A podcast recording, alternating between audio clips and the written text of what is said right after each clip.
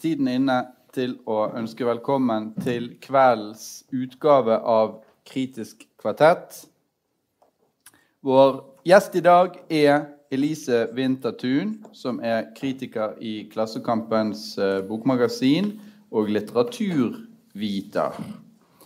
Eh, ellers så har vi da vår eh, faste, vårt faste panel, vårt ofte bortblåste laurbærblad, Karina Bedderi, som eh, ennå ikke har dratt til Mexico. Eh, skriver i Morgenbladet. Eh, og så har vi da Eirik Vassenden, professor i nordisk litteratur ved UiB og kritiker eh, her og der. Og det faller seg slik. Og meg selv, Frode Helmik Pedersen, kritiker i Morgenbladet, BLA og førsteamanuensis i nordisk litteraturvitenskap. Som vanlig diskuterer vi fire bøker, og bøkene i dag det er eh, Inghild Johansen. Du har den der, Eirik. Mm. Den heter eh, Det er G. Dette. Dette er G. Så det er Edward St. Aubin. Um, double blind, eller blindtest. Så er det Liv Køltzow, dagbøker i utvalg, redigert av Hans Petter Blad og Kaja Skjerven Molerin.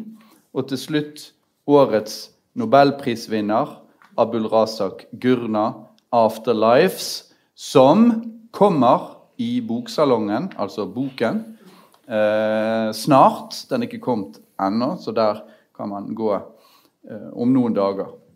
Eh, I tillegg så skal jeg nevne at den første av eh, bøkene er skrevet av en forfatter som skal opptre her på Litteraturhuset den 30. november i en forfattersamtale med Erik Bjerk Hagen.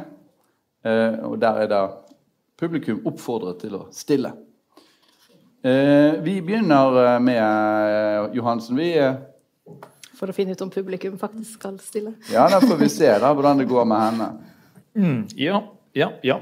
Dette er G. Dette er altså romanen 'Dette er G'. En kort, eh, liten roman. Format så ligner den også på Johansen sine tidligere bøker, som, eh, som da har vært kort prosabøker, men som, som, som ligger likevel ganske tett på dette, som da er en roman. Også denne siste boken da eh, består av ganske en del kortere tekstbiter. Fortellingen er episodisk. Den strekker seg over tre generasjoner. Handler, som tittelen da sier, om G. Og hva er eh, G? Jo, G det er et sted, et tettsted, en bygd eller en by som vi ikke får vite helt konkret hvor ligger, eller hvor stort er, men det ligger da ved en større elv, sannsynligvis eh, øst i landet, ved en tekstilfabrikk.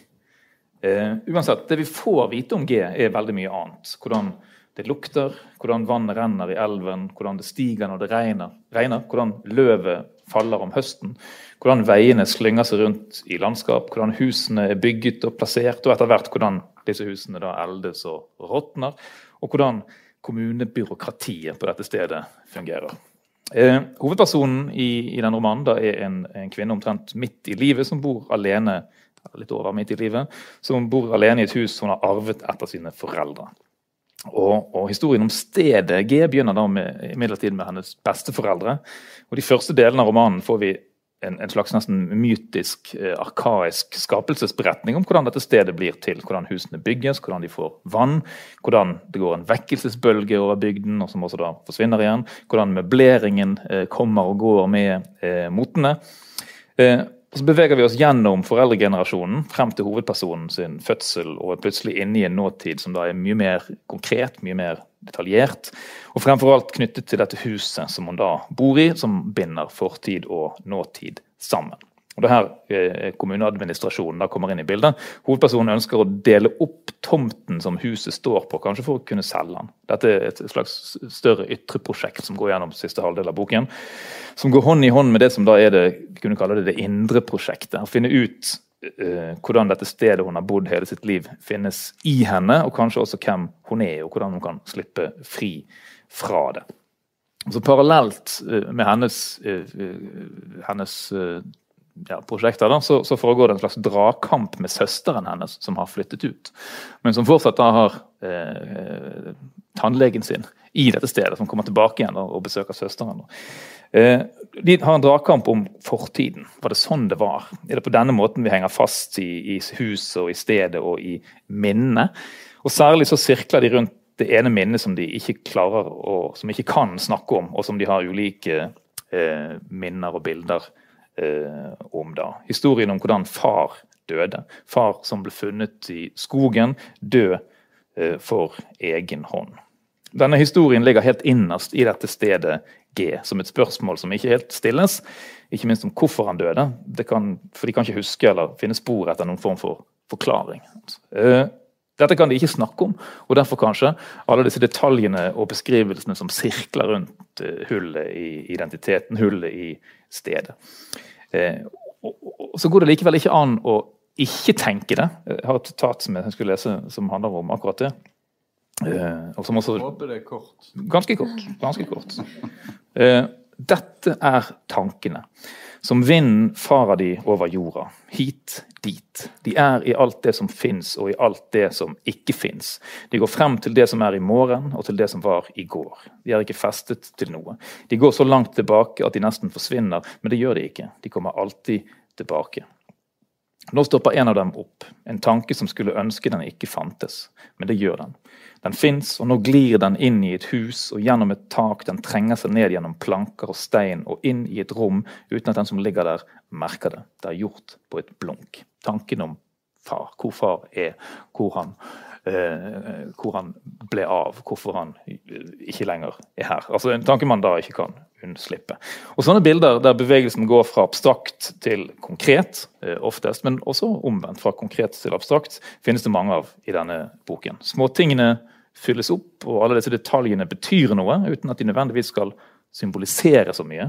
Ofte så forblir detaljene sin mening uklar for oss. Men det vi forstår, er alltid at de er forbundet med noe mer og noe større. Om man da skulle innvende noe eh, mot denne romanen, så kan det være at sirklingen rundt disse store uroskapende hendelsene i fortiden går litt langsomt. Jeg kan forestille meg at dette er noen Noen kan mene at denne kverningen eh, er litt, eh, for det hverdagslige da, er litt, er litt treg. For min del så er det, er det omvendt. Det er i dette ordinære og detaljrike og hverdagslige, og ikke minst i måten Ingel Johansen viser det fram på, i det enkle og konstaterende og, og suggererende eh, setningene at det funker. En liten passasje til, eller en liten bit til. da. Eh, romanen om dette stedet som, som, heter G, beveger seg sakte mot konklusjonen på dette som vi da forstår er en sånn bort herfra-fortelling. Flukt. Huset blir solgt, og flyttebilen kommer. Men det er ingen lettelse forbundet med avskjeden. Å flytte bort fra hjemstedet for dette huset man har levd størsteparten av et liv, det er en fundamental og eksistensiell avskjed. Flyttelasset mitt ser litt ut som et gravfunn fra oldtiden, eh, kommenteres det helt sist der. Denne avskjeden helt på slutten av romanen er et, et eksempel på, på det eh, Ingel Johansen gjør i dette, og som jeg syns uh, funker uh, veldig godt. Å ta ordinære ting, ordinære gjenstander, og vise hvordan de alltid også hele tiden er forbundet med det store. Ofte det helt store. Ja, Så du likte boken, da? Jeg gjorde det. Ja.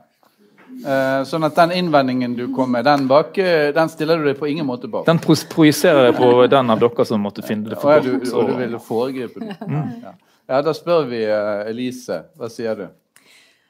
Uh, altså, jeg har faktisk notert meg, notert meg kverning, uh, men Står det det ordet helt konkret? Kverning? Nei, men du, du sa altså ah. den innvendingen. Mm. Nei da, det står, står, ikke. Jeg hadde aldri lest den av Ingil Johansen før. Hørt, hørt mye om henne. Men nå har jeg vært en litt sånn eh, ikke akkurat underdog, men i hvert fall en sånn Husker Tormod Haugland hadde et foredrag om henne på, på Bergen offentlige bibliotek en gang, og kommet litt sånn fra andre forfattere, stort sett. Um, men jeg hadde lest en rekke liksom, panegyriske anmeldelser av denne før jeg begynte på den. Jeg mener at liksom, De første 20 sidene så sto det nesten litt i veien. Jeg tror det er fordi at så mange ord som formfullendt og liksom stilistisk Det var et eller annet som gjorde at jeg, jeg sto overfor et eller annet som jeg ikke klarte å trenge helt inn i. Men det ga seg veldig um, ja, cirka når han der predikanten dør. uh, og så var jeg inni. Men så er det sånn, den, den hensatte meg en ganske rar uh, stemning der jeg liksom, jeg må innrømme at i partier så, så, jeg, så kjente jeg på en slags uh, kjedsomhet. Eller etter hvert måtte, måtte inn i en sterk konsentrasjon, men andre steder så har jeg liksom bare markert eh, lange partier. Det du leste opp, eh, har markert Vi har ikke tid til å lese opp flere, sikkert, men jeg tror vi har lest nok fra den ja. nå. Vi kan ja. ikke drive på å lese. Det men det er et nydelig parti, parti et sted men, ja, om, om, våren og ja. Så ender med liksom bare en sånn perle som innimellom må tiden slippe noe fra seg. Det er dette som er det rareste. At det noen gang ganger kommer en tynn stråle som ikke hører sammen med noe, renne inn i det som er nå. Altså, det er mange ting jeg har liksom markert meg, så, så summa summarum så, så likte jeg den veldig godt. Ja, Men, men. Eh, det der med at du kjeder deg litt, det er ikke jo, Av og til så er det jo Så tenker man at det er ens mm. egen feil. sant? Ja. Mens andre ganger så tenker man at det her er boken sin feil. Hvilken mm. av de to heller du mot? Denne gangen så tror Ja. Eh, jeg klarer ikke helt å bestemme meg. Jeg tror det har litt å gjøre med at vi leste fire veldig forskjellige bøker, og at dermed så hadde jeg liksom plukka den opp på en måte i en ferie der jeg hadde all mulig tid til å lese den så langsomt som jeg ideelt sett skulle ha gjort, så hadde jeg kanskje um, Den utfordrer i hvert fall konsentrasjonen, og jeg tror jeg lander i at jeg liker det. Ja, vi må lese, Kritikere må lese fort. Det må, mm. til vår unnskyldning. Sånn er det bransjen. Mm. Uh, jeg uh, vil du vente til uh, sist? Ja. ja vel. Interessant. Nei, altså Jeg har vært litt på gjerdet når det gjelder Ingel Johansen. Jeg synes, uh, jeg har generelt ment at det, var, det er liksom litt, litt, for energifattig for meg. Uh, så når jeg liksom leser litteratur, så vil jeg heller ha litt mer saft og, og kraft enn enn litt det der veldig sånn smålåtne, hverdagslige som Eirik liker. da. Men, uh, ikke alltid må det sies. Men, uh, men, samtidig så må jeg jo si det at det er jo, det er jo bra. Uh, det er jo, det er jo en, en, god og stilsikker, er greit nok, prosaist. Men det som skjer her, og det er vel vår venn Erik Bjerk Hagen også inne på i, eller Han skriver det vel rett ut i, i anmeldelsen i Morgenbladet at det er litt ulike romanprosjekter på gang her. Og Der vil jeg særlig peke på begynnelsen om G, som er litt sånn uh, prosakunst, småabsurdistisk. Altså G har egne skyer og sånn. Litt postmoderne, litt sånn modernistisk. Litt sånn form eh, Ja, lekent, jeg ikke helt hva jeg skal si. Eh, men veldig lite realistisk, egentlig. Eh, et underliggjørende grep, da. Blant annet så beskrives denne aksen i G. Sant? Altså Det er vertikal akse. Det er opp og ned som gjelder i G. Og dermed så tenker vi at G står for gravitasjon, og, og G er også da altså denne tiltreknings... Det der å komme seg vekk fra G er jo da prosjektet til hovedpersonen senere, så det er ikke så lett. Formelen for G er også gjengitt på omslaget her. altså Som ja. alle vet, er det 9,8 meter per sekund per sekund. Altså tyngdekraften, mm. hastigheten man noe faller i. Ja.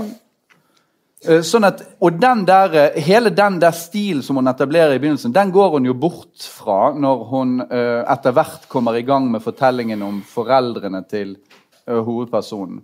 Så Besteforeldrene er for så vidt integrert i den. De er innbyggere av G i det litt sånn smått absurdistiske prosauniverset. da.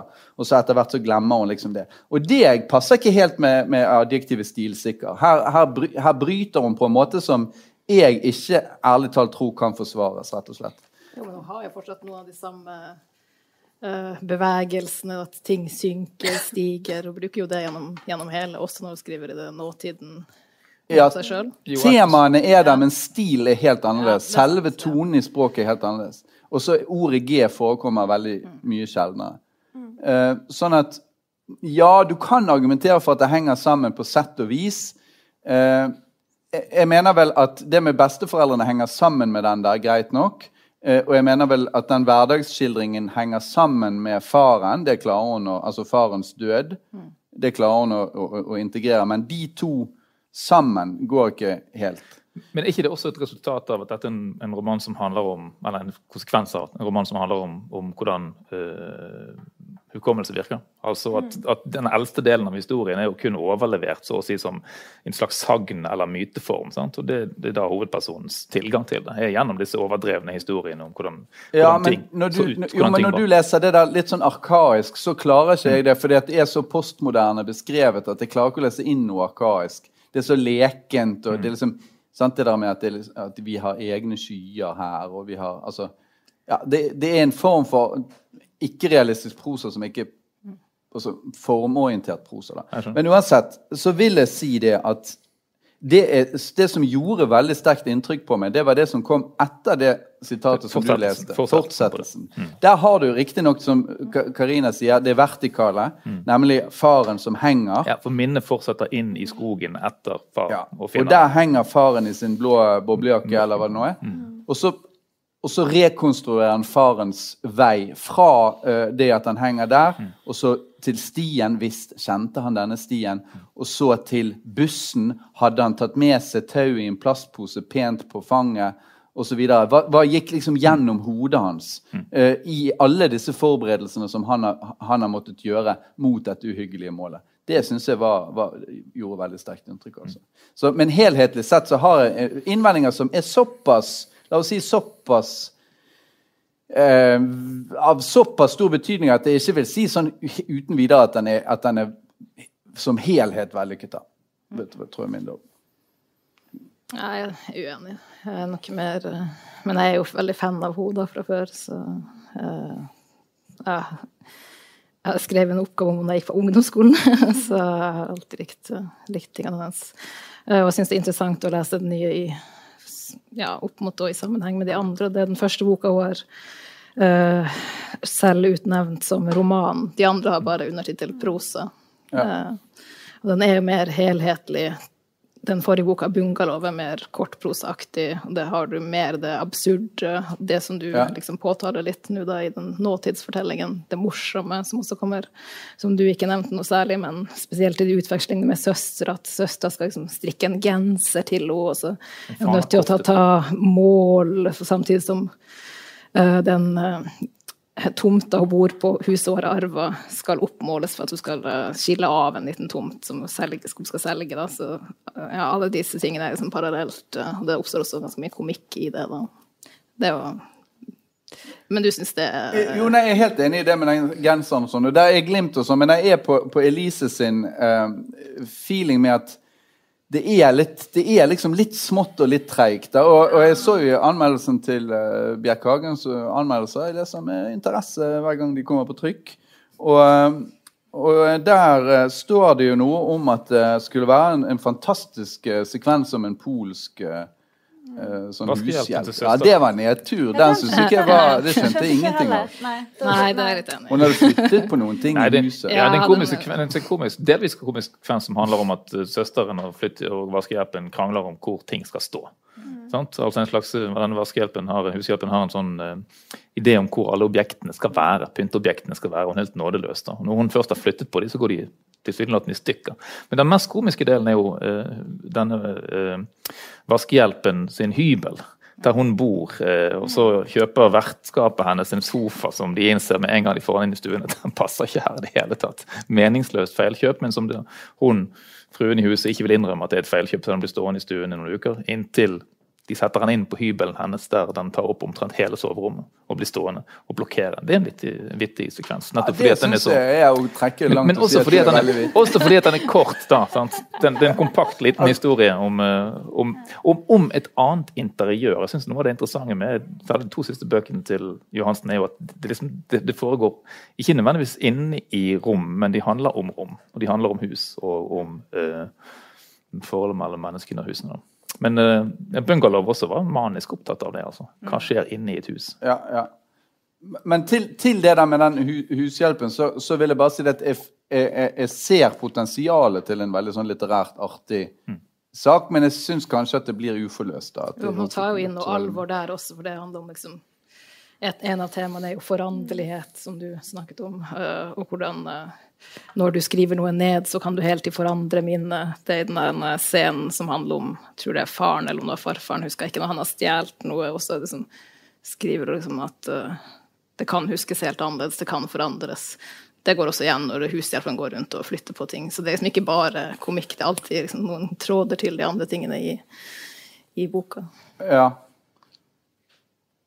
Eh, men, men, altså eh, eh, Det er vel ikke altså det, det der, Dette handler om er vel mer en, en pussig form for en kommunikasjon som denne hushjelpen driver på med ved å flytte disse Et slags uttrykk for hennes personlighet. Da. Noen, noe urokkelig, da. Er ikke det det det handler om? Ja, det, er jo... det, er jo... nettopp det som ikke kan forandres. Du kan ikke forandre det hushjelpen har gjort. Da går alt i stykker.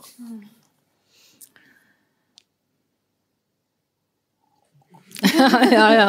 Uh, jeg tenkte ikke det er sånn. For at, uh, det liksom slutter med at hun tar en ting inn i en butikk, eller jeg husker ikke akkurat hvordan det er nå. så...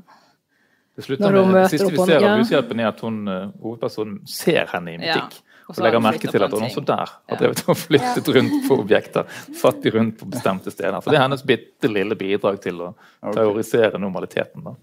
Ja, men ikke bare det heller. Ja. ja. nei, men altså, Summa summarum så virker det som vi kan, vi kan tross alt anbefale denne boken. da. Det kan vi. Det, kan vi. Ja, det, det, må, det, må, sies. Jeg var vel litt mer negativ enn dere andre, og Elise litt mer negativ enn dere to andre. Ja. Det er grei oppsummering? Ok. Uh, Edward St. Auburn, 'Double Blind', eller Blindtest. Blindtest. Ja, Oversatt av Ragnhild Eikli til norsk. Ja, altså bare sånn helt kort om, om uh, grunnen til at, uh, at, jeg valgte den. Det var egentlig bare fordi den lå på, på pulten min på, på, jobb. Og så når jeg leste bakpå, så kjente jeg en sånn Først var jeg nysgjerrig på den, og så leste jeg bakpå, så kjente jeg en sånn øh. Uh, og det, det, det, er nok litt det som står på baksida, bare for å lese kjempekort. På overbevisende, leket og empatisk vis tar Edward St. Aubin i sin nye roman for seg temaer som arv, determinisme, frihet og historiene vi forteller oss selv. Romanen er like overbevisende når den befatter seg med økologi, psykoanalyse, nevrovitenskap, som med kjærlighet, frykt og mot. Kjente, åh Gud, her er, det, her er det mye på gang. Ikke så den så tjukk heller. Uh, jeg må innrømme, jeg har ikke lest hele Patrick Melrose-kvintetten. Jeg leste de to første liksom, i sin tid. Falt av en eller annen grunn av lasset. Kanskje jeg liksom husker hvorfor nå. Men jeg skal ikke avsløre for mye om hva jeg syns ennå. Um, dette er vel altså, jeg fant vel ut at det var den tredje romanen uh, han, uh, St. Aubin uh, har skrevet etter disse, denne kvintetten. da. Det er et plott som er ganske vanskelig å, å sånn rekapitulere veldig kjapt, men et forsøk. Det er altså en rekke romanpersoner her hvis liv og yrkesliv snor seg inn i hverandre. Vi er jo vant til at St. Aubin utforsker et sånn britisk overklassemiljø. Det er litt annerledes i denne, ikke så veldig. Det er fortsatt noen sånn Oxford-utdanna folk og sånn. Vi møter i hvert fall Francis, en sånn, ja, et eller annet sted i 30-åra, en botaniker og naturverner som arbeider på et slags økoprosjekt. Det blir kalt sånn rewilding på den engelske landsbygda. Han blir sammen med biolog eh, Olivia. Hun er eh, spesielt opptatt av epigenetikk, som jeg måtte google. Det er vel en, handler vel om, om arv som ikke, som ikke er altså det har noe med DNA å gjøre. Gener som ikke, som ikke skrur seg på, så å si. Eller geners, geners vekselvirkning ja. med miljø og omgivelser. Eller rett og slett. Ja, ja, andre faktorer enn gener spiller inn. Sant. uh, Olivia er adoptivdatter av et par psykoanalytikere i London. Uh, Olivia og faren jobber blant annet sammen på et, på et prosjekt som handler om schizofreni, hvorvidt det er genetisk arvelig eller ikke. Vi får også innblikk i faren, altså en psykoanalytikers behandling av en schizofren pasient kalt Sebastian, som etter hvert, komplisert nok, viser seg å antageligvis være Olivias biologiske tvillingbror. Uten at det dermed blir avslørt. Jeg skal ikke kanskje foregripe slutten for mye, men Olivia har en nær venninne, Lucy, som befinner seg i en slags oppbruddsfase i karriere og kjærlighetsliv. Hun er headhunta til et firma kalt Digitas, som eies av en eksentrisk og ja, dopavhengig milliardær kalt uh, Hunter Sterling. Som er en klassisk sånn hyperkapitalist som her forsøker, å, forsøker vel å forene nevrovitenskap og konsumprodukter, bl.a. i en slags uh, kan jeg kalle det virtual reality-hjelm. Kan hete Happy Helmet. Happy som, Helmet. Happy Helmet som, som, Den skal vel um, Man skal vel kunne føle samme lykke og indre fred som en munk. Mm. Hvor var vi nå? Jo, også underveis så skjer det jo ulike relasjonelle forviklinger disse romanpersonene imellom. Eh, Hunter Sterling har en sterk fascinasjon for Lucy, de blir etter hvert sammen. Men hun har imidlertid fått påvist hjernesvulst, altså kreft, med usikker uh, framtid. Francis og Olivia venter etter hvert barn. Det kompliseres ytterligere ved eller kompliseres ved at Francis, som også blir hyra av Hunter Sterling på et tidspunkt, faller for en rik ung kvinne kalt Hope, som attpåtil tilbyr henne en sjanse til å jobbe på et svært naturvennprosjekt i Amazonas. Ja, For å liksom prøve å si noe om tematikken her altså alle disse personene, Gjennom alle disse personene så blir det da et møte mellom ja, det ulike idéverdener eller at det ulike liksom, deler av eller ulike vitenskapssyn, kan man kanskje si. Vi har liksom den kapitalistiske, konkurransedrevne, liksom maskuline teknologi utviklingen som, som eh, vi kjenner fra liksom Elon Musk og denne eh, gjengen. Vi har klimakrise, natur og kapitalisme og hva som skjer, eller dette med at liksom sistnevnte skal reparere førstnevnte. Vi har vitenskapens muligheter, begrensninger, spørsmål om genetikkens determinisme, hjernen og kroppen som vi stadig prøver å kontrollere, men hvis sårbarhet vi ikke klarer å utradere, og hvis hemmeligheter vi heller, ikke kan fullstendig avdekke.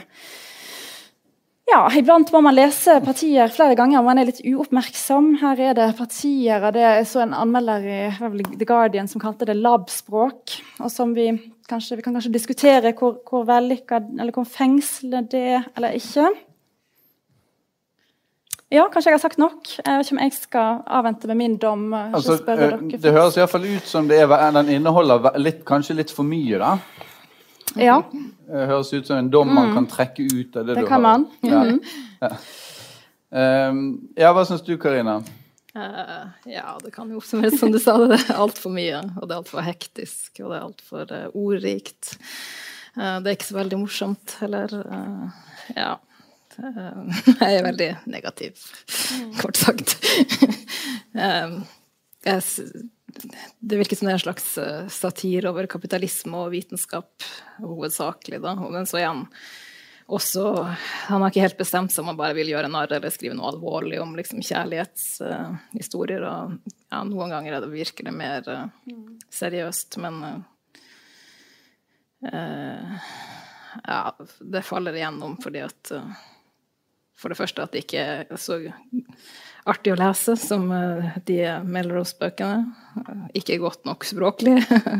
Eh, jeg tror heller ikke at oversettelsen er så god. Jeg tror at eh, Trude Marstein var litt bedre på de Patrick Melrose-bøkene. Det er en annen oversetter nå, som du sa. Det Ja, faktisk flere, flere ja. ting Men de Marstein-oversettelsen fikk jo Ja, de fikk hard medfart, de òg. Ja, de fikk jo hard medfart, ja, så vidt jeg okay, husker. Da er kanskje fortsatt ikke bra nok, da. jeg noterte meg også det, at oversettelsen var, var mistenkelig. Ja. Mm. Det er noen, glipp, noen glipper her og der. Ja. Men det største problemet er jo at dette er eh, en tekst som altså, Bare si at St. Aubin sin, sin, sin prosastil da, den svinger mellom uh, høyt og lavt. Sant? Den mm. leker med stilnivåer og sånne ting. Og, og norsk har en utfordring der. Altså at det finnes ikke noen operativ høystil på norsk. Mm. Og lavstil har vi, men den brukes stort sett ikke. Sant? Så vi er liksom dømt til å seile rundt på mell mellomstilen i alt vi foretar oss i prosaen. Og det, denne romanen lider tungt under det. Altså, tror jeg Ja, og mm. for de muntlige replikkene sitter ikke så godt på norsk. Og det, mm. jeg, jeg tror òg at akkurat når det gjelder det språklige, så at jeg vil avvente til, til jeg har fått sett på den engelske, noe som jeg faktisk har tenkt å gjøre. fordi eh, etter mitt syn så Karina er helt rett i, eller er iallfall helt enig med Karina i at, uh, at, det er en roman som ikke helt har bestemt seg for hva den vil gjøre. Det tror jeg er ganske klart. Men det er samtidig en roman som, er, som inspirerer meg litt på vegne av romanen.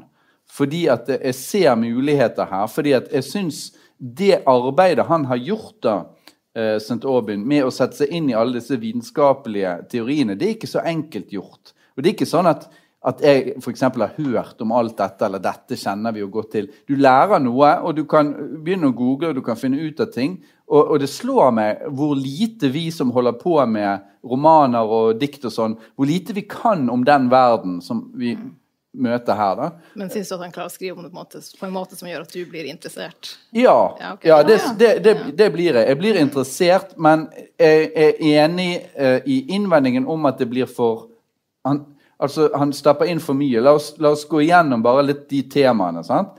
Det, det ene er, virker som at det er en satire over vitenskapens usalige allianse med kapitalismen. Det er en Elon Musk-aktig figur.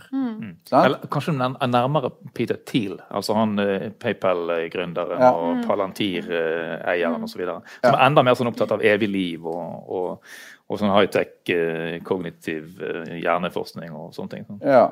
Og, og, og- der er, virker romanen av og til å være nesten en vitenskapsteoretisk roman, som, som er ganske sånn kritisk til naturvitenskapelige tenkemåter, samtidig som han er veldig fascinert av dem. Mm. Eh, men han har en veldig godt poeng der, som står i en eller annen karakterene sier. Folk tror jeg vet ikke om folk tror det, men det står folk tror at de vitenskapsfolkene er intellektuelle. Men de aner ikke, de har ikke oversikt. Det er ingen som har oversikt over noe annet enn det bitte lille de kan. Det der er jo et, et, en klagesang som kommer blant eldre forskere innenfor naturvitenskap, at bredden er forsvunnet. sant? Men ingen har overblikk, alle holder på med sitt.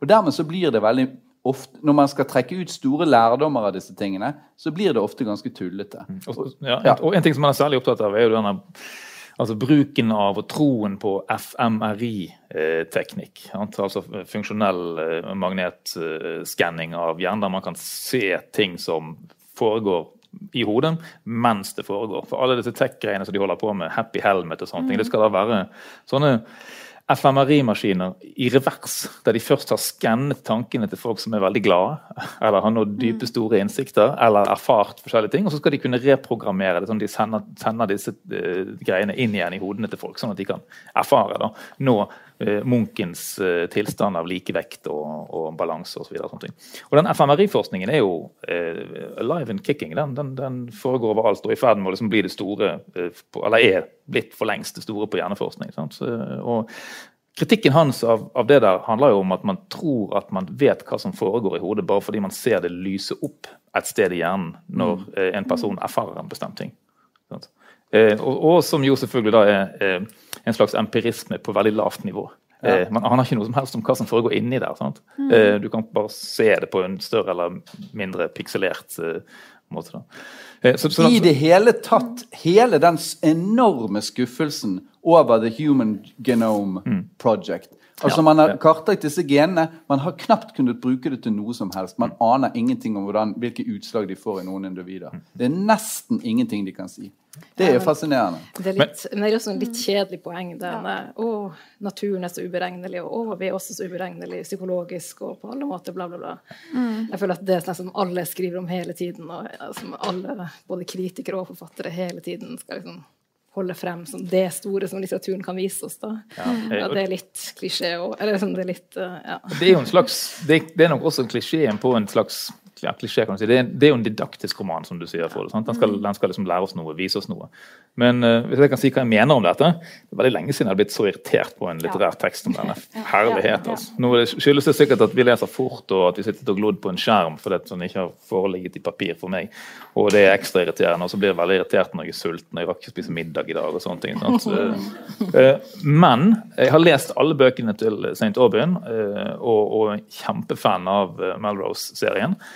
Eh, Jeg vet også at han, der noe av det er helt gnistrende bra, sant? Men, men han har et veldig stort sprik i hans litterære produksjon. De to andre bøkene som står utenfor Melrose-serien, en om død og, og de siste årene og aktiv dødshjelp og sånne ting. Litt som sånn debattroman, det også. Og så en, en slags parodi-satireroman, 'Lost for Words', parodi på litterære priser, er, er utrolig eh, platt og litt banal og, og litt sånn teit humoristisk. Da. og Det skyldes absolutt ikke Den finnes ikke på norsk, så det har ikke noe med oversettelsesrelaterte ting å gjøre. Eh, svakheten ved denne boken her er den samme som på den andre den der prisparodiboken. Nemlig at det er en roman som ikke er så smart på tekstnivå som det den selv tror den er. Den, den, den mangler et, eh, et eller annet overskudd. Den eh, ja, de, de, forskjellige historiene slår hverandre litt i hjel. Og så er det selvfølgelig også sånn som bare referatet eh, til Lisa eh, tyder på. Det er noen sånne eh, eh latterlige sammenfall på plottnivå som er helt sånn Herlighet, kunne ikke du ha klart å skrive det frem på en litt, litt mindre sånn opplagt uh, måte som skal gi leseren en følelse av et aha?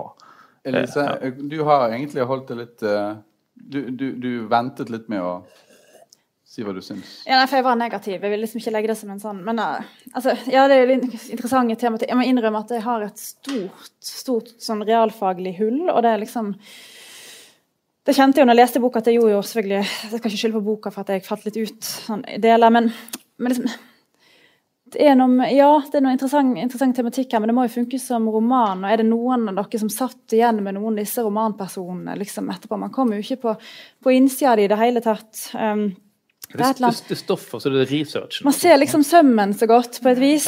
Ja. Eh, og, og jeg, jeg, har for så vidt liksom ganske svak for idéromaner. Liksom, mm. Mange av mine favorittromaner er idéromaner. Men det er liksom hvilken ende man gjør det i. da, sant? Er det liksom en, er det en genuin utforskning eh, som ligger til grunn? Man kan jo fortalt om en av norsk fatter som har skrevet om hvert fall teknologi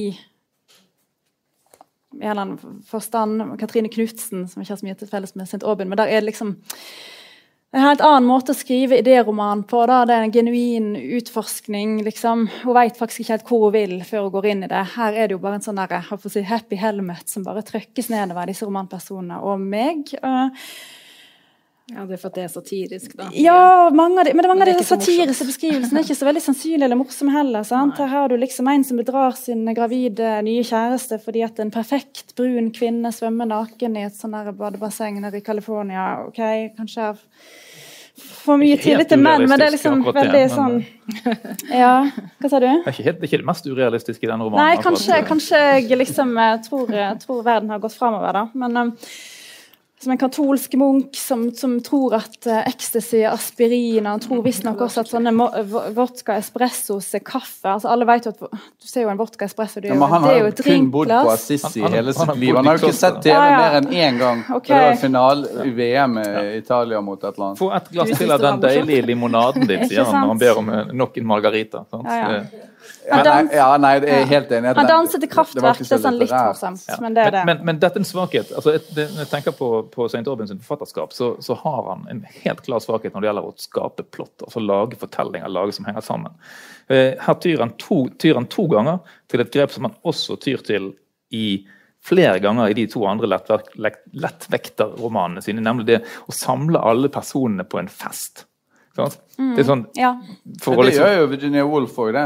Og, og, og her, her, skjer det programmatisk fordi at det skal liksom brygges i hop et eller annet. Men, eh, men, men, eh, og så fordi han strever med å fortelle oss hvem de forskjellige folkene er. Ja, men altså, det er lov å samle de på en fest. Uh, synes jeg. Uh, altså, for det er jo en stor lanseringsfest av et sånt prosjekt som veldig mange er tilknyttet. Sant? Så Eh, jeg syns ikke, ikke, det liksom er kritikkverdig i seg selv. Når du, når du spør ja, hvem sitter du igjen med som person, jo det er jo Sebastian. Jo, men Er det sannsynlig at han er, tilfell, at han er ansatt på, som, på denne Nei, sannsynlig Nei, altså, er det ikke. Er over, det, er litt over, det er jo en storstilt reklame for uh, freudiansk psykoterapi. Mm. Mm. Men jeg tror at det poenget er godt og interessant. Alt, alt dere sier med at det ikke litterært sett realisert godt nok riktig. Men jeg syns Jeg var ikke irritert uh, på dette fordi at jeg var interessert i alle disse tankene og ideene og uh, sporene. Men ja, eh, som roman så kollapser det. Helt enig.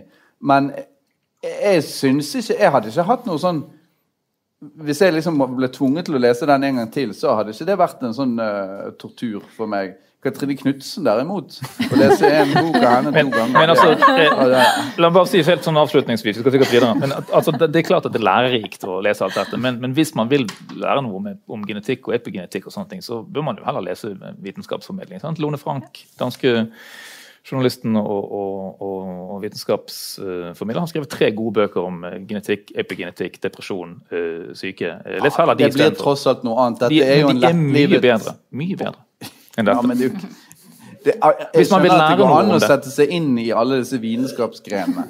Men dette er tross alt en, en, en roman som jeg syns er relativt morsom og grei å lese. Og irriterende. Ikke irriterende for meg. Jeg syns ikke. faktisk. Men han stapper inn Det er helt enormt hvor mye han, han stapper inn. altså. Det er nesten helt utrolig. Vi har ikke sagt, et ord om, aldri. vi har ikke sagt noe om det der økosporet som også eh, er tungt med her. Det, Men det er jo fordi han har bestemt seg for alt han skal ha med på forhånd. Sant? Det er ikke vokst fram Forsvaret for fleinsoppen og eh, psykedelia og sånne ting som behandlingsgrep bruker han eh, minst eh, 60-70-80 sider på. Ja, men, men, men det, det er en lærdom i dette til eh, sant? Altså eh, for, for akademikere så heter det 'where you're learning lightly'. Sant?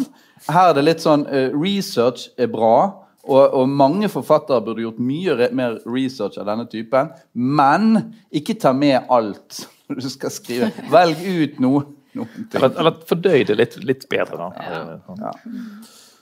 Vel, vel. Ok. Eh, men, men, men, det, men, jeg gjentar at det, det største problemet er vi nok enige om at, at han ikke vet hva han vil med det. Er det satire? Er det interessert? Er det Ja. Ja. Altså, Det er et større Han, problem. han følger jo sporet, som du sier, et forsvar for, for en bestemt uh, uh, psykoanalytisk eh, terapi. Det er, Ja. sant, det, det sporet som han forfølger fra de fem gode bøkene han har skrevet. Ja. Eh, ja, mm, ja. Det er vel ikke alle i den uh, Melrose-trilogien. Alle de er bedre enn denne og de to andre riktig. han har skrevet. Det er helt riktig. OK. eh, jeg, tror, eh, jeg tror jeg, jeg var mest positiv eh, til denne. Vi tar en litt sånn oppsummering. Jeg, jeg var mest positiv, så. Karina var mest negativ. Ja, ja, det si- Jeg er også veldig grinete, men jeg er også sulten, da, så du får trekke fra litt. for Ja, for Ok, Så alle dere er like negative. Det er ingenting av verdi å hente. Nei, det mener jeg. Du kan godt lese den. Det er en del ting å lære, det. det er en ting å lære her, men eh, det kan også læres andre steder. Ja, men du kommer ikke på det. Du må jo vite hva du skal google etter. Ok, før du så det begynner å google. eh, Flott bok. Kan også lese, Vite kan også lese bøker istedenfor å google. Ja. Ja, og, og litt morsomt, da. OK. uh, Liv Køltsov, eh, Karina. Ja. Liv Køltsov. Dagbøker i utvalg 1964 til 2008. Det er altså en dagboksutgivelse på nesten 500 sider. Eh, Et ut, utvalg fra Liv Køltsovs dagbøker over 40 år. Eh, Og for de som ikke har lest Køltsov før, så kan jeg først si noe helt kort om forfatterskapet. Hun debuterte i 1970. Har gitt ut noveller, en eh, ganske god og særegen biografi om Amalie Skram, samt en rekke romaner der flere har en ja, selvsagt plass i nyere norsk litteraturhistorie. Eh, Som forfatter er Kølsov kompromissløst erkjennelsessøkende. Hun skriver med en stor tankefølsomhet. Hun er orientert innad mot det reflekterende, eh, samtidig som sansning har en betydelig plass i alle hennes bøker. Den dobbeltheten går også igjen i dagboksutvalget. I alle aldre her er Kølsov intenst opptatt av hvem hun er eller har blitt, og hvem hun kan bli, og hva hun kan skrive. Hun er først og fremst vendt mot seg sjøl i dagboka. Kanskje kunne man innvende at den nesten er litt narsissistisk, eh, men hun fremstår også åpen for omgivelsene, for sanseinntrykk, for landskap, musikk, litteratur og andre mennesker. Utvalget her er gjort av Hans Petter Blad og Kaja Skjeven Møllerin, som står som redaktører for boka. Men siden forfatteren jo fortsatt er i live, har hun selvsagt også vært direkte involvert i arbeidet. Dagboksutvalget er kronologisk ordna i 15 kapitler og begynner altså i 1964, da Kølsov var 19 år. Seks år før hun debuterer som forfatter. Eh, Den unge Liv er prega av en lengsel ut av den borgerlige oppveksten, ut av sine egne begrensninger. Flere steder erklærer hun at hun fra nå av skal bli fri og åpen og impulsiv og glad. Den samme høsten som hun skriver denne dagboka, så begynner hun på Blindern og møter Espen Håvardsholm, eh, som hun da blir sammen med. Og begge blir en del av profilmiljøet. Den største skuffelsen i denne utgivelsen vil nok kanskje for mange være at de årene med profil egentlig ikke er med. Rett og slett fordi Kølsov ikke skriver dagbok i de elleve årene fra 1965 til 1976. I den perioden så etablerer hun både en familie og et forfatterskap. Hun blir skilt fra Håvardsholm og blir sammen med den 13 år eldre Kjell Heggelund, som da er en etablert poet og litteraturforsker, og som etter hvert skal bli en ruvende skikkelse i Aschehoug forlag. Ja, og så fra 1976 og utover så møter vi en Da begynner hun å skrive dagbok igjen. Møter en eh, voksnere, men også mer følelsesmessig nyansert og kanskje mer interessant stemme i dagboksutvalget. I 30-årene så er Kølsov forfatter. Dagbøkene kretser om skrivingene. Men også veldig ofte om grunnene til at hun ikke får skrevet. For hun er husmor på heltid, forfatter på hel, halvtid, som hun skriver i 1979. Uh, tiden, familielivet med Heggelund, som ikke akkurat er innstilt på at menn kan tørke støv, stjele fra skrivingen. Eller altså alt arbeidet som er ment å være kvinnearbeid, og raseriet mot det, er et av de store temaene i denne dagboka. Årene fra 30 til 35 har jeg delvis brukt opp på å tørke støv i denne leiligheten. Det er ikke riktig, skriver hun med en resignert indignasjon, også i 1979. Og utover på 80-, 90- og 2000-tallet så kommer også ulike dramatiske livshendelser inn i dagboka. Heggelunds sønn fra et tidligere forhold dør, han får hjerneslag senere, og Kølsov blir som kjent selv diagnostisert med parkinson. Og samtidig så følges også liksom, forfatterskapets opp- og nedturer og det hun skriver, da. Men det er liksom ikke de ytre begivenhetene det er viktigst å fremheve når man snakker om denne dagboka. I hvert fall så er ikke det det ytre som jeg har festa meg ved boka. Noe av det interessante er selvfølgelig å lese den opp mot romanene hennes og mot ja, forfatterskapet, for å få innsikt i hennes refleksjoner over de ulike bøkene. Det inneholder ganske mye av det. Men også for å se forskjellen mellom romanstemmen hennes og den mer ubearbeidede dagbokstemmen. For selv om dagboka skifter mellom notater helt ned på stikkordsnivå og litt lengre opptegnelser, så er jo Køltsov gjenkjennelig som den samme personen som, som har skrevet romanene. Eh, og så er det vel kanskje det ubearbeidende som er det mest eh, rørende ved Kølsovs dagbøker. De her tekstene tar oss egentlig ikke så tett på hverdagen, men de lar oss se et menneskes utvikling gjennom hennes tanker om det å skrive og det å være en person. Dagbøkene er fulle av planer, selvinstrukser, selvbearbeidelser. Men selv om tonen ofte kan være trist, eller til og med bitter, så er det intensiteten og energien hun skriver med, som fester seg. Selv om hun er rasende, selvrettferdig eller smålig, til og med så er det utrolig levende skrevet og uh, veldig gjenkjennelig. Uh, for at det denne dagboka først og fremst gir, i hvert fall for meg, da, er at uh, møtet med en person som i så stor grad anstrenger seg for å reflektere over verden og det som skjer med henne, og den hun sjøl er, og som klarer å gjøre hennes verden gjenkjennelig for andre. Det, det er liksom det som gjør hele dagboka litterær, at den uh, blir utrolig gjenkjennelig, selv om man ikke har levd det livet Køltzow har. Da. Selv om man ikke har særlig mye til felles med henne. At man ikke ja, har et familieliv, er forfatter, levde på den tiden, bla, bla, bla. Eh, beskrivelsen hennes eh, ja, det kommer jeg så tett på hun som person. At, eh, ja. I hvilken grad har du tenkt at hun har sett for seg at det kommer til å bli utgitt noen gang? Mm, ikke så stor grad, Nei. egentlig. Virker ikke sånn. Det er ikke så eh, sånn eh, Da hadde hun f.eks. skrevet i de profilårene. Da, eller det er ikke så utadvendt. Det er mer for henne sjøl. Mm. Ja, og da faller jo den anklagen om narsissisme, vel. Du har vel ja, ja. lov å være narsissist eh, på kammerset for deg sjøl? Ja, absolutt. det er et lite intervju bak. Det sier hun vel om prosessen om mm. Det ble vel overlevert Aschehoug ti år siden, eller hva det, hva det var det så. Um, hadde jo bl.a. ikke tilgang til alle disse dagbøkene. Altså, Nei, de lå jo hjemme hos han Espen ja, og... De gamle, ja. Mm. ja. ja. Eh, men, men så, så, du er enig med Bernhard Elvesen i Morgenbladet at dette er en stor, dette er en stor leseropplevelse? ja, for meg, ja. ja. Mm. Elise? Veldig stor leseropplevelse. Mm. Jeg satt uh, satt pal, eller satt uh, liksom intenst inn i det og var både rørt og oppspilt. Uh,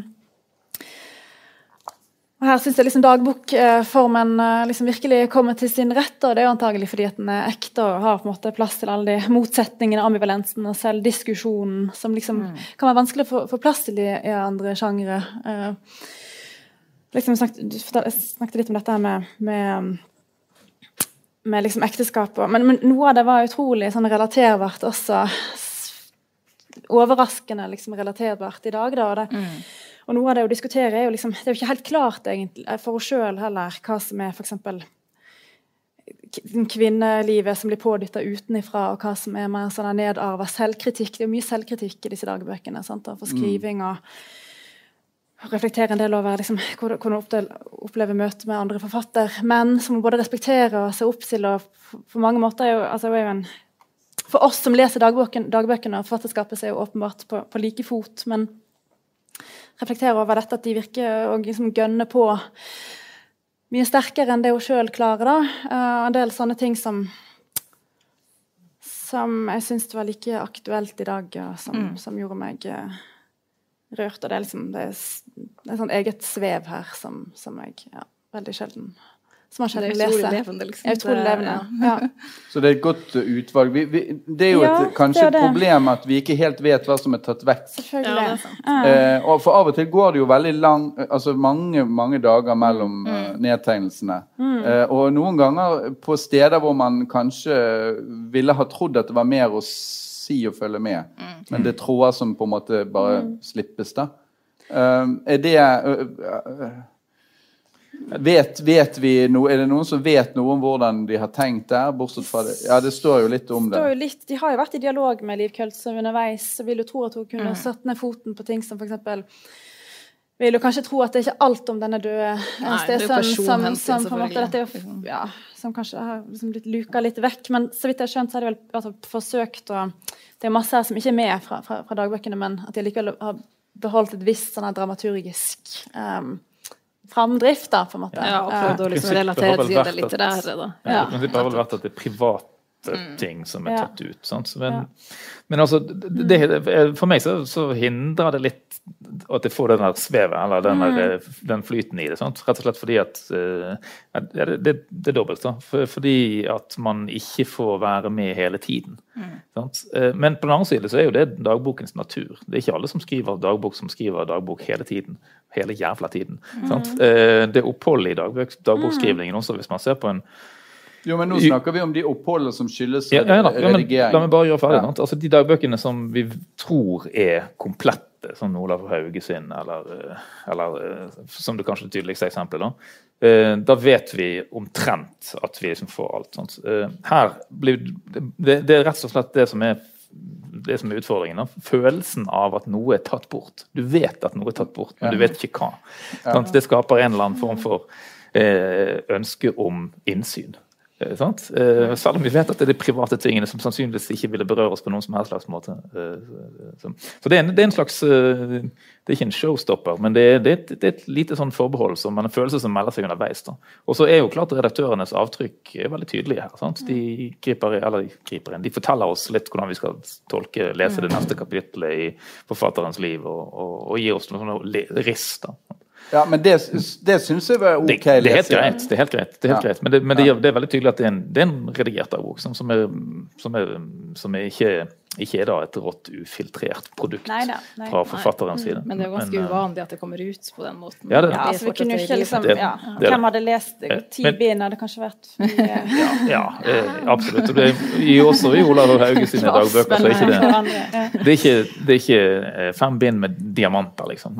Det er mye annet òg. Men, nei, men det er kanskje akademikeren i oss som er litt sånn tenker det at nei, men her må de jo dette, dette denne må jo komme ut i en fullstendig utgave om mm. eh, 30-40 år, ja. sånn som skjedde med, med Thomas Mann. Der, der, der ja. røk jo hele biografien til Thomas Mann etter dagboken kom ut. For da var det sånn Å, han er homo! Mm. Ja, OK, det er liksom det Det var jo litt sånn sentralt, da. Men, men, men altså, jeg syns jo likevel ikke at det kommer i veien for akkurat denne følelsen av å være til stede i, i Først og fremst i skrivelaboratoriet eller i, skrive, eller i den tankeprosessen som fører frem til disse bøkene. Og, og, og fascinerende også å se liksom hvor tidlig denne unge kvinnen på 19 år bare vet at livet hennes skal være skriving. Mm. Det må være skriving. Og så er hun fortvilt over at hun ikke har funnet sin egen form. Møter, mm. møter andre mennesker, liksom, har sånn lav selvtillit, møter andre mennesker og tenker at de vet jo hva de skal bli. De vet hvordan de skal skrive, de har skjønt alt dette, mens jeg bare holder på med mitt lille her. Og så ser vi at prosaen hennes er veldig flott allerede fra,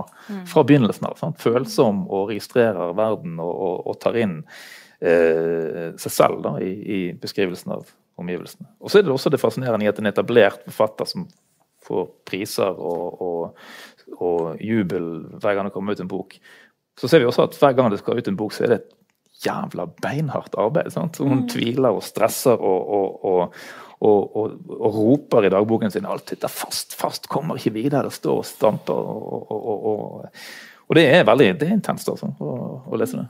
Men hun stresser ikke med, med resepsjonen noe særlig? Nei, det er ikke så viktig. Da, når, hun har, gitt den ut, så jo, så er det Vi kritik, Kritikere er ikke så ja, betydningsfulle. Altså. Men, uh, men så, så, skal vi også si vi, vi må egentlig videre, for det tiden går. Men det som jeg gjerne ville si, er at i, i tillegg til dette Kultzow-bildet vi får, så får vi jo et stykke norsk litteraturhistorie. Mm. Vi får et norsk kul kulturhistorie, kvinnekamphistorie, men også kommentarer til politiske hendelser. Treholt-saken til mm. ja, ja, og, litt, men ikke så Nei, nei man, fra, de, fra de der uh, introduksjonene til mm. redaktørene skulle man tro at det var mer. Mm. Nå står veldig opptatt av Treholt-saken. Det står ikke så mye om det. Men du ser, det, det er på sånne rystelser inn i hennes prosa som kommer på en måte utenfra. Det som jeg synes var litt fascinerende. Mm. Hvordan liksom, hun lever med disse begivenhetene som vi kjenner til da, fra, fra nyere norsk uh, historie. Og, og, for meg så var det jo bare den der, det der som Elise sier, det der å lese en ekte dagbok. Og ikke de der som skriver romaner som dagbok, som egentlig bare er en unnskyldning til å skrive i vei uten å se seg verken til høyre eller venstre. Du tenker ikke på en spesiell dagbok som er kommet ut uh, i løpet av de siste uh, ukene? nå? Nei, men altså Nei, den der Per Petterson uh, har jo blitt tatt opp her da, fordi mm. at Bernhard var veldig Bernhard Ellefsen i Morgenbladet var veldig negativ til Per Pettersons Hva var den het? Mitt Abruzzo. Ja. Mitt Abruzzo. Mitt Abruzzo. Ja. Som han da uh, krøsskleppet med denne her, eller sammenlignet med denne her. Og der var mm. Kultzov var stor, fantastisk leseopplevelse. Petterson dårlig. Jeg har ikke lest Petterson, jeg kan ikke si noe om det. Men det er en helt annen type bok, fordi at dette er en dagbok som viser oss et autentisk innblikk i et interessant norsk eh, forfatterliv. Lite mytologisering altså, lite, altså, Det er jo den pinte forfatteren, men på, på en helt annen måte enn den mm. der liksom, klisjé fordrukne her er det jo å pines med, med arbeidertekster, som liksom og var utrolig mye mer interessant å lese om. Og pines også med samlivet. Altså, det synes ja. jeg var det mer interessante her. Sant? For det er helt åpenbart at det å krangle med Kjell Heggelund, den store Kjell Heggelund, eh, direktøren og eh, litteraturforskeren og poeten, det har ikke ført frem i det hele tatt. Sant? Så mm. det, det, skjer her. Mm. Det er utleveringen av han som en slags eh, en slags sånn uh, subtil, ironisk hustyrann. De skriver litt om det i etterordet her, og, og Kølsov kommenterer at han synes, nei, det fikk, det fikk, være. Sånn får det være. Når man lever med noen, så, så, er man på en måte offentlig uh, hvis man lever med en offentlig menneske. Ja, uh, men, det er jo ikke bare det at det offentlige menneske, det er jo det at de hadde kjønnsroller. Ja, ja, ja. Altså, det, er, det, er, lenge siden, ideologisk sett Absolutt. lenge siden. Men samtidig så er han løfter ikke en finger i huset. Han er portrettet av han som en sånn moderne mann som ler av machokultur og, og tradisjonelle gamle menn, men samtidig føler seg altfor god til å ta oppvasken eller noe som helst annet. Sånn, sånn. Ja, men Det er ikke sikkert det. Det kan hende det er bare kulturen mm. altså, som han kommer fra. Jeg vet ikke. Ja. Se, ja. jeg vet ikke. Men vi må uansett videre, for nå har vi dårlig tid på okay. selveste nobelprisvinneren. Den har vi ikke uh, fått i fysisk uh, form. Vi har den kun digitalt, derfor kan ikke vi vise den opp. Men det er altså Abdul Razak Gurna. Uh, 'Afterlives', skrevet på engelsk. Og det er altså snakk om en historisk roman. Det er altså hans siste roman. Eh, fra kolonitiden i det som før het Tanganyika, og som utgjorde da størsteparten av det tyske koloniområdet Deutsch Ost-Afrika, våre dagers Tanzania, som altså er forfatterens hjemland. Handlingen her foregår primært i en kystby som ikke nevnes med navn. Og vi får innblikk i livene til vanlige folk her, som mirakuløst nok klarer å leve et noenlunde fredelig liv til tross for de sinnssyke krigshandlingene som foregår rundt dem på alle kanter. En kontinuerlig nedslakting av uh, opprør rundt omkring der det ulike eh, folkeslag og stammer som gjør opprør mot tyskerne. Brutalt slått ned. Dette begynner allerede på slutten av 1800-tallet. Romanen eh, forteller om begivenheter der, og så fremover. da. Og, og, Da blir det jo etter hvert en stor konfrontasjon mellom Tyskland og England, som egentlig er en forlengelse av første verdenskrig. Hele denne storpolitiske konflikten ender med at den tyske kolonien blir da et britisk protektorat. Men disse store begivenhetene her de danner et stort sett et bakteppe mer til den fortellingen vi møter her. Den er ganske komplisert. Jeg kan ikke gjengi alt her, men vi møter altså en indiskættet eh, gutt i begynnelsen, Khalifa, som pga. sitt gode hode og uh, utholdende og pålitelige natur eh, får en, et bra arbeid hos en kjøpmann. Amur Biashra heter han. Men han er en sånn kjøpmann som gjør alle forretningene inni hodet sitt. Eh, han liker ikke å, han har ingen bøker. Han sier, veldig, han sier, minst mulig om hva han driver på med. Så når han dør, så skaper han et stort kaos rundt seg når sønnen skal ta over. Ingen vet hva han skylder til hvem osv. Så, eh, så det er en sånn eh, ja, et problem, da. Og Khalifa blir da u, uten å ville det egentlig, blir da ansatt hos denne sønnen til denne forretningsmannen. Og det forholdet mellom de to synes jeg er veldig morsomt beskrevet gjennom hele romanen. Det er, De lever sammen på dette kontoret, etter hvert litt fra hverandre, men i samme bedrift. Og misliker hverandre intenst, men har utviklet en sånn slags humoristisk måte å Og på en eller annen slags måte å, å, å stikke hverandre da, hele tiden. Det syns jeg var, var artig. Eh, i, i, i, tillegg til dette så er det en eh, rekke andre personer men, eh, som vi følger. da. Vi må nevne noen av dem. Eh, og det er da ikke minst denne Iljas. Iljas er en person som er blitt tatt opp av tyskerne og som eh, dermed kan tysk og har respekt for tyskerne, eh, i motsetning da til alle de andre, stort sett alle de andre.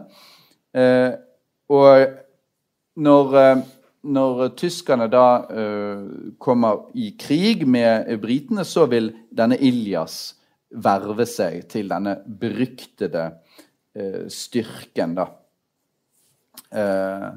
Som, som heter Schutzgruppe, Askasi de er, det, er egentlig, det er afrikanere som slakter andre afrikanere. Kort og godt, og de slakter de på vegne av det tyske imperiet. Eh, og han forsvinner, og hans forsvinningsnummer er egentlig da det store mysteriet i livene til disse eh, menneskene. Eh, det som er jeg, jeg, tror ikke jeg kan Fortellingen er utrolig rik. Eh, den er, altså, den er intenst innholdsmettet, egentlig, på, på, hver enkelt side med fortellinger, men ikke etter mitt syn kjedelig på noe tidspunkt. Det er en forfatter som rett og slett er en veldig, veldig god forteller. Fordi at han klarer å få oss, iallfall meg, interessert i alle slags små hendelser. Altså disse, disse her Livene til de um, hovedpersonene her de foregår i denne landsbyen. Det er ikke noe sånt særlig som skjer. Det er liksom litt giftermål og, og, og noen fødsler og, og, død og sånn, men det er vanlige liv. Men det får han altså utrolig godt uh, skildret. Uh, og, jeg leser det med veldig stor interesse. Der er en skikkelse som heter Hamsa. Uh, og denne skikkelsen Hamsa han, eh, han blir på en måte våre øyne inn i disse større begivenhetene, krigen. Men også Hamsa-skikkelsen er skildret primært kanskje ut fra hvordan han er. Vi får et veldig tydelig bilde av hvem han er. Og ikke minst det forholdet han står i til den tyske offiseren, som får en nesten sånn pervers, nesten sånn pervers tysk eh, interesse for. ham. sånn interesse som bare tyskere kan få. Du aner liksom, Det er liksom litt lummert, men det er, ikke, det er liksom ikke en utvalgt yngling. Sant? Ja, ja han, han, gjør ikke noe sånn seksuelt, men han tar litt på han av og til. og sånn. Han minner om broren, og plutselig er det voldsom rasisme mot han, sant? men andre ganger veldig sånn positiv. Han skal ha han til å, Det blir en slags maskot. Han skal, få, han skal lese. Men det er veldig sånn dobbelt. sant? Når Hamza ser på han, så sier han at han ser He's a man capable of violence. Ja. Han Ja, er maskoten til en som når som helst kan. Ja, ja, kan, kan, ja, ja. Så, så, så, så generelt så det- siste jeg er nødt til å nevne, det er at når, når disse her generasjonene går, så blir det da en oppnøsting av, eh, av eh, denne Ilias sin fortelling, og det skjer på slutten. Altså, hva skjedde egentlig med Ilias? Ilias forsvant inn i krigen, kom aldri tilbake. De har hele tiden lurt på hvor han ble av. Eh, og da er det da hans Hvordan ble det slektsforholdet til eh, han um, Ilias nummer to? En, fall en uh, Eh, onkelen. Onkel. onkel er det, ja. Han er nevøen. Han, uh, han blir en suksessrik radiodokumentarist. Flytter til Tyskland, får noe stipend og nøster opp. Så vi får hele den der merkelige historien til Ilias til slutt i form av et sånt arkivarbeid. Eller sånn ja, prosjektarbeid. Der er, der er vel det som er kanskje innvendingen som man kan ha mot denne romanen, som jeg mener er en veldig god roman, som jeg vil anbefale alle å lese. Interessant på alle slags nivåer. Akkurat slutten er litt hastig gjort. Altså litt sånn, Der får han hastverk, og så skal han liksom gjøre det. Ferdig å fortelle oss hva som skjedde med Ilias. Det kunne man sett for seg kunne blitt et bind to, da. Heller. Ja. Ja, Elise? Ja, men var ikke det Ja, altså, jeg, har noen innvendinger mot slutten med det med de to siste kapitlene som jeg syns kan liksom Det skjer et eller annet med skrivestil og, og sånt der som vi kanskje kommer inn på, men, men akkurat den siste delen syns jeg var litt, nesten litt komisk. På hvilken måte? Har si i slutten, kan jeg Ja, si det? ja, ja du, du kan et, For det, det, er vel det, altså, det er vel det at han finner ut at han har jo Nei, ikke si slutten. Ok. eh, Nei, nei, men da kan Ikke jeg Nei. Nei, nei, men da, det var det jeg ja, det var det jeg Ikke si hva som skjer Nei, men Du kan ikke si vi skal komme inn på noe senere. Vi er snart ferdig. Du må si det du har å si nå. Ja, nei, bare altså, et eller annet på de, de to siste kapitlene. er Det etter han eh, Hamza har gifta seg med hun, eh, hun her eh, Hva det hun? uh, Ai... eh, Afia. Afia. Nei, det er bare et eller annet Det Der syns jeg det begynte å gå liksom litt, litt fort. Og så Akkurat det begynte å komme et eller annet Kanskje fordi det går litt fort, så blir det sånn tidvis bitte litt sentimentalt og litt sånn plutselig markert i noen sånne Altså kurtisen mellom Hamsa Nei, som kommer ut fra krigen? Nei, etter det, etter det, når de har fått den sønnen og han, Det er litt de disse stemmene i hodet Ja, det her. Siste delen med de stemmene i hodet. Og, og plutselig så kommer det sånne, litt sånne, sånn eh, dialog som er litt sånn fortellende dialog, som, som jeg på en måte syns det, det var et lite brudd der som gjorde at jeg um, ikke liksom likte den delen så godt så, Men jeg elsker alt før, Al- før det. Altså til publikum. Ilias nummer to, Ja, altså unge, dette unge barnet, han får, han får stem, han begynner å høre stemmer, og de er veldig veldig bekymret Mm. en periode. Han er, det virker som han har sånn multiple personlighet. altså Han tar stemmen til en gammel kvinne eller noe Mm. sånt. Og det blir en voldsom sånn trolldomsutdrivnings- eller demonutdrivningsseanse Mm. Ja. på, på tradisjonelt vis. Han er besatt av en ånd som, som er, er er opptatt av hvor det er blitt av den første Ilias, rett og slett. Sant? Ja. Ja. Ja, eh, det, men det er mye å si her. Altså, jeg, skjønner hva, hva Lise tenker på. fordi at, eh, fordi at Fortellerhastigheten varierer. Sant? Noen steder så, så bruker vi veldig, får vi veldig så å si, dvele ved detaljene. Vi er til stede der, og det er malerisk. Veldig effektiv fortellerstil. Sant? Enkle setninger, stort sett. Veldig sånn kjapt, direkte og, og ukunstlet, eh, noterte meg et par steder. Men, men likevel veldig sånt nærvær, eh, tilstedeværelse. Men noen steder så speedes hastigheten opp noe voldsomt, og så får vi høre at eh, Og så eh, satte britene inn offensiven sånn og sånn, og så får vi hele liksom, krigshistorie på to sider. Så, så går det tre-fire-fem år. Sant? Og det, det, det oppleves som et litt sånn rykk da, i, i stil. Og samme på slutten der. Eh, at da plutselig så skal hele historien til, til eh, den bortkomne Ilias skal nøstet opp eh, i den dokumentarfortellingen fra Tyskland på eh, slutten av 50-tallet, er vel det da, sant? Eh, Eller midten av 50-tallet. Så det går, det går litt sånn kjapt, og, og da skal vi tilbake der. Men det jeg må si, som du ikke har sagt, da, eh, Frode, her, det er jo at eh, dette er jo også en, også en bok. Den handler selvfølgelig om kolonimakt og, og, og eh, koloniperspektiver, om hvordan ting si, havner i kroppene til den koloniserte. Eh, både volden og, og, historie, men også kolonistenes kultur. For det er også en bok om litteratur og om språk og, og poesi.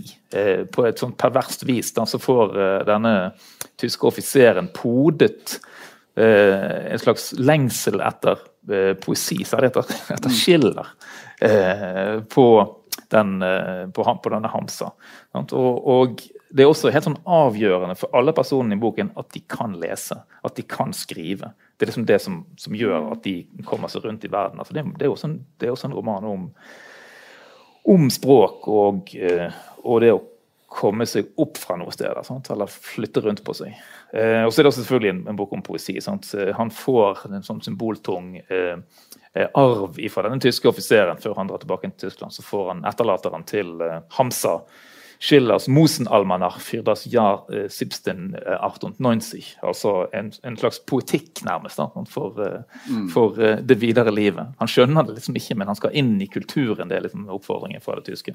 Og så stritter han imot, eller forsøker. Det er jo det som vi kan diskutere. hvordan kolonimakten sitt språk mm. og litteratur og kunstsyn så å si preger etterlivet. Men Karine, du har ikke sagt så mye ennå? Nei, for at uh, jeg liker den ikke i det hele tatt. uh, jeg syns at uh, jeg var veldig kjedelig, da, som motsatt av det. Og at men det er selvfølgelig for at jeg liker ikke den typen sånne tradisjonelt fortellende romaner som er veldig enkelt i språket. Hang meg f.eks. opp i at nesten på annenhver side så beskrives karakteren som at de smiler. Bare. Han smilte sardonisk, han smilte hånlig. Tyskerne, men også de andre afrikanerne. Altså, alt, det blir altfor enkelt. Uh, det er ikke nobelprisnivå?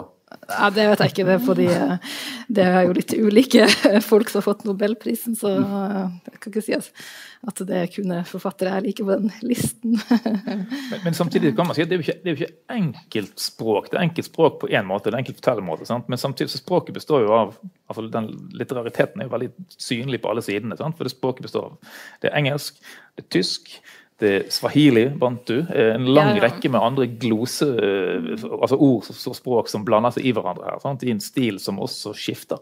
Eh, ja, og så har, har, han full kontroll på denne virkeligheten. Og det syns jeg er så utrolig altså Den tilliten jeg får til han som forteller, det at han vet alle disse tingene de bruker, hva de skal, hvordan dagene ser ut, hva du må gjøre for å oppnå ulike resultater. Uh, dette kan han til, uh, til fulle. Ja, ja, og det der med å begynne da med altså Der mener jeg du er litt på jorda. Altså. Det, det, det, det er en streit fortelling, men den handler om problemene med og svakhetene til streite fortellinger. Den, den, viser frem noen av de utfordringene som ligger i å mm. liksom ha blind tillit til det man blir fortalt. Uh, altså, altså, Det der med at dette skulle være enkelt Dette her er sinnssykt vanskelig å gjøre å skrive en sånn roman som dette? Ja, ja, jeg mener ikke at det er lett å skrive, det er ikke det jeg sier. Men jeg syns ikke at den uh, uh, klarer å liksom få meg interessert i de personene, da. Og heller ikke den historien. Da vil jeg heller lese liksom sakprosa om det, sånn som du sa i sted. At ja, jeg vil heller bla opp i How Europe Underdeveloped Africa, liksom en klassiske fra 70-tallet. Men se, se, se, på en sånn fyr som Khalifa, hvor utrolig nært vi kommer han som person. Og hvor mange sånne særegenheter han har. Og etter hvert hvordan han, hvordan han blir veldig sånn brysk, og så er han sentimental, men så er han òg veldig opptatt av sladder, og så han, har han alle slags sånne schemes og er en litt sånn lurendre. Jeg syns han blir veldig tydelig for meg som person. Hva sier du? Er du enig med Nei, altså, jeg, jeg likte den godt, men jeg er jo utrolig altså, sånn, Jeg elsker, elsker sånne afrikanske kolonifortellinger. Jeg har lest alt av Doris Lessing, alt av Nadim Gordimer og Kutsi, og, og, men veldig lite fra, fra liksom dette perspektivet, kan man si. Um, så jeg kjente jo til den Askari-hæren, sånn, men jeg har aldri lest, lest om den. Uh, sånn.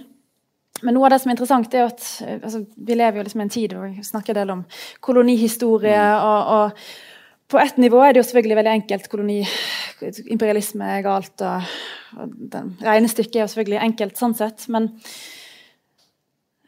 jeg opplever ikke romanen som altså den, den, er jo kompleks på et eller annet vis. at liksom, Med på imperialismen og sånn, så kommer jo den der liksom, den moderne kapitalismen og globalismen og handel og sånn. En del av disse som mange av disse kolonisubjektene liksom blir offer for, men en del spiller spillet på et vis. da. En sånn ikke helt enkel utveksling eller maktbalanse som, som er litt uh, Men hva syns du om det skiller Schiller-sporet og poesien? Jeg syns det var Eh, helt, eh, nei, det-. Det der tenkte jeg bare Nei, det, ja, det, jeg, hang, jeg tenkte ikke så mye over det, annet enn at jeg eh, husker på det. Hvem som har det sitatet det med at Afrika som kontinent har vært liksom den hvite kolonistens kloakk, som er liksom der man bare har tatt ut alt av både liksom drit og, og liksom voldsfantasier, men også på en måte sånne veldig nedlatende sivilisatoriske fantasier og liksom eh, Det er jo også ironisk da, altså at Ja. Schiller med sin uh,